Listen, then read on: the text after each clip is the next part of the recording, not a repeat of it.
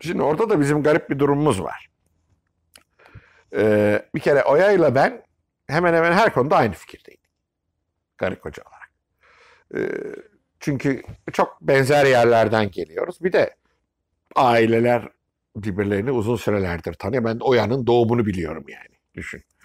Öyle. Ee, o bir. İkimiz aynı fikirdeydik. Nasıl yetiştireceğiz çocuğumuzu? Ee, ondan sonra şu da bizim için açıktı. Ee, bu çocuk çocuk ama bizim çocuğumuz ama kendi başına bir insan bu. Biz bunu etkileyemeyiz. Ancak işte bu doğrudur, bu yanlıştır diyebiliriz. Ki o da bizim açımızdan. Yani öyle doğru olmayabilir. Ha? Ee, dolayısıyla serbest bıraktık. Ne istiyorsa. Fakat yani e, herkesin yapamayacağı bir şey bu.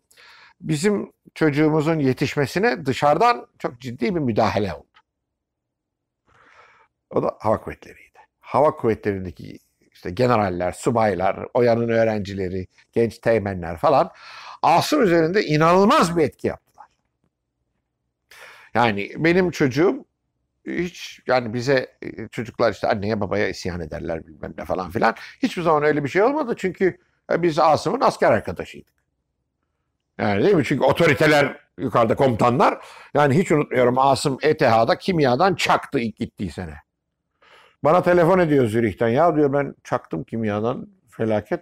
Diyor, Balanlı generale nasıl söyleyeceğim? Babasına diyor ki ben çaktım. Ama diyor Balanlı generale bunu nasıl söyleyeceğim? ben de dedim abi o sizin aranızda. Komutanla senin aranda dedim. Beni lütfen karıştırma dedi. Anlatabiliyor muyum? Bu tip şeyler e, mesela biz Fransa'ya gittik. Asım lise 1'e gidecek Fransa'da. Fransa'ya giderken Ergin Celes'in general işte bizim 23. Hava Kuvvetleri komutanımızdı. Asım'a demiş ki bak Asım işte sen kurmay subay olacaksın. Asım asker olmak istiyordu. Sonra işte kulağından ötürü olamadı, giremedi. Neyse sen kurmay subay olacaksın. E, dans bileceksin. Bol dil bileceksin. İşte de şarapları falan iyi öğren gel. Kardeşim biz Fransa'ya gittik. Asım ilk işi bir şarap haritası aldı. Bütün Fransa'daki şarapları öğrendi. Fransa'da kaldığımız sürece e, Asım zaten İngilizce, Almanca biliyor. Orada bir de Fransızca öğrendi. Komutan söyledi diye. Oturdu. Eşek gibi de çalıştı ha. Yani ana baba söylese böyle yapmaz. Çelesin Paşa söyledi, bitti. Öğrenilecek. Tamam, onu öğrendi. Orada bir hava ateşimiz vardı. E, İşte Erhan Pamuk albay. Daha sonra general oldu o da. Ee, Asım gitmiş. Biz Paris'e gittik. Bizi sağ olsun komutan karşıladı falan. Asım komutana demiş ki komutanım demiş ben Nizami Tıraş nerede olabilirim burada? Paris'te.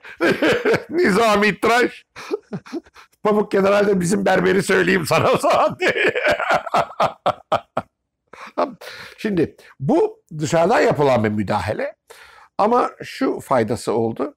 Asım'ın işte aileye karşı bir e, ergen çocuğun isyanı hiç olmadı. Hiç olmadı. bir de Asım kendi evinde çok meşhur bilim adamlarından. Bütün dünyadan. Onun tabii çok büyük etkisi oldu. Buraya gelenler, gidenler. Mesela biz Caltech'teydik. Dan McKenzie geldi. Ailesiyle beraber. Ee, Asım bir bilgisayar istiyordu. Dan'in oğlu o zaman işte 17-18 yaşında James.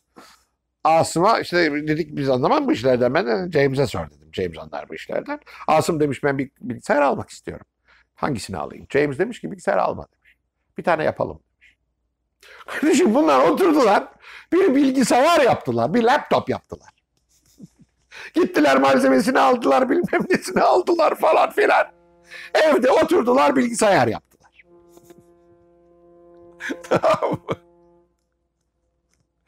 Yani Asım böyle bir çevrede büyüdü. Yani gene Caltech'teyken mesela işte bu havacı olacağım falan hikayeleri var. Tayyare nasıl uçuyor? Dedim lan dünyanın en meşhur uçak mühendisi bu okulda. Hans Horn Alman bir de adam.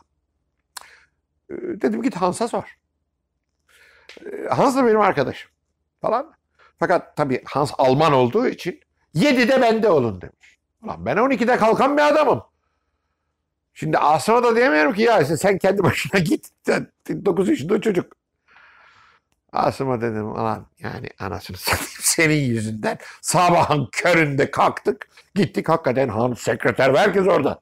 Saat 7 la. Hans orada Asım'a işte Bernoulli prensibini falan. Düşün 9 yaşında çocuğa ya. Herif bir anlattı. Kardeşim ben hayran oldum. Ulan yani bizim gariban köylüye anlatsa o bile anlardı. O kadar güzel anlattı. Ama bu herif 50 bin dolar maaş alıyor aylık. Ya müthiş ya. Hans, Hans çok büyük bir adamdı. O kadar iyi ahbap oldular ki Asım'la bunlar. Hala Hans bazen şeye gidiyor, Zürich'e gidiyor, ETH'ya. Giderken Asım'a haber veriyormuş. Diyor Hans geliyor beraber yemeğe gidiyoruz. Hans 70 küsur yaşında. Böyle dostları oldu Asım. Mesela Asım hayatındaki ilk alkollü içkiyi 20. yüzyılın en büyük jeokimyacısının elinden içti. Jerry Wasserberg. Jerry'nin çok sevdiği Paris'te e, satılan bir likör vardır. İşte evine yemeğe gittiydik. Hepimize ikram etti. Asım'a baktı. Hadi sen de gel dedi. Küçük aldı bir bardak. İç dedi. Asım'ın ilk içtiği alkollü içkidir. dedi. Şimdi unutması mümkün değil. Jerry Wasserberg'in elinden içti. Tabii böyle hatıralar e, çok hoş oluyor. Yani Asım'ın tanımadığı Hava Kuvvetleri Komutanı yok. Asım'ın kendi hayatı süresince Hava Kuvvetleri Komutanlığı yaptı. Hepsini tanıyor. E, şimdiki Milli Savunma Bakanımız, eski Genelkurmay Başkanımız Asım bir gün telefon etmiş komutanım sizi görmek istiyorum diye. Komutan demiş ya bugün benim işim vardı ama demiş senin için bir uğrayacağım demiş şeye. Gel demiş. Benim için diyor 20 dakika geldi. Hulusi Akar General. Düşünebiliyor musun? Benim için diyor 20 dakika uğradı.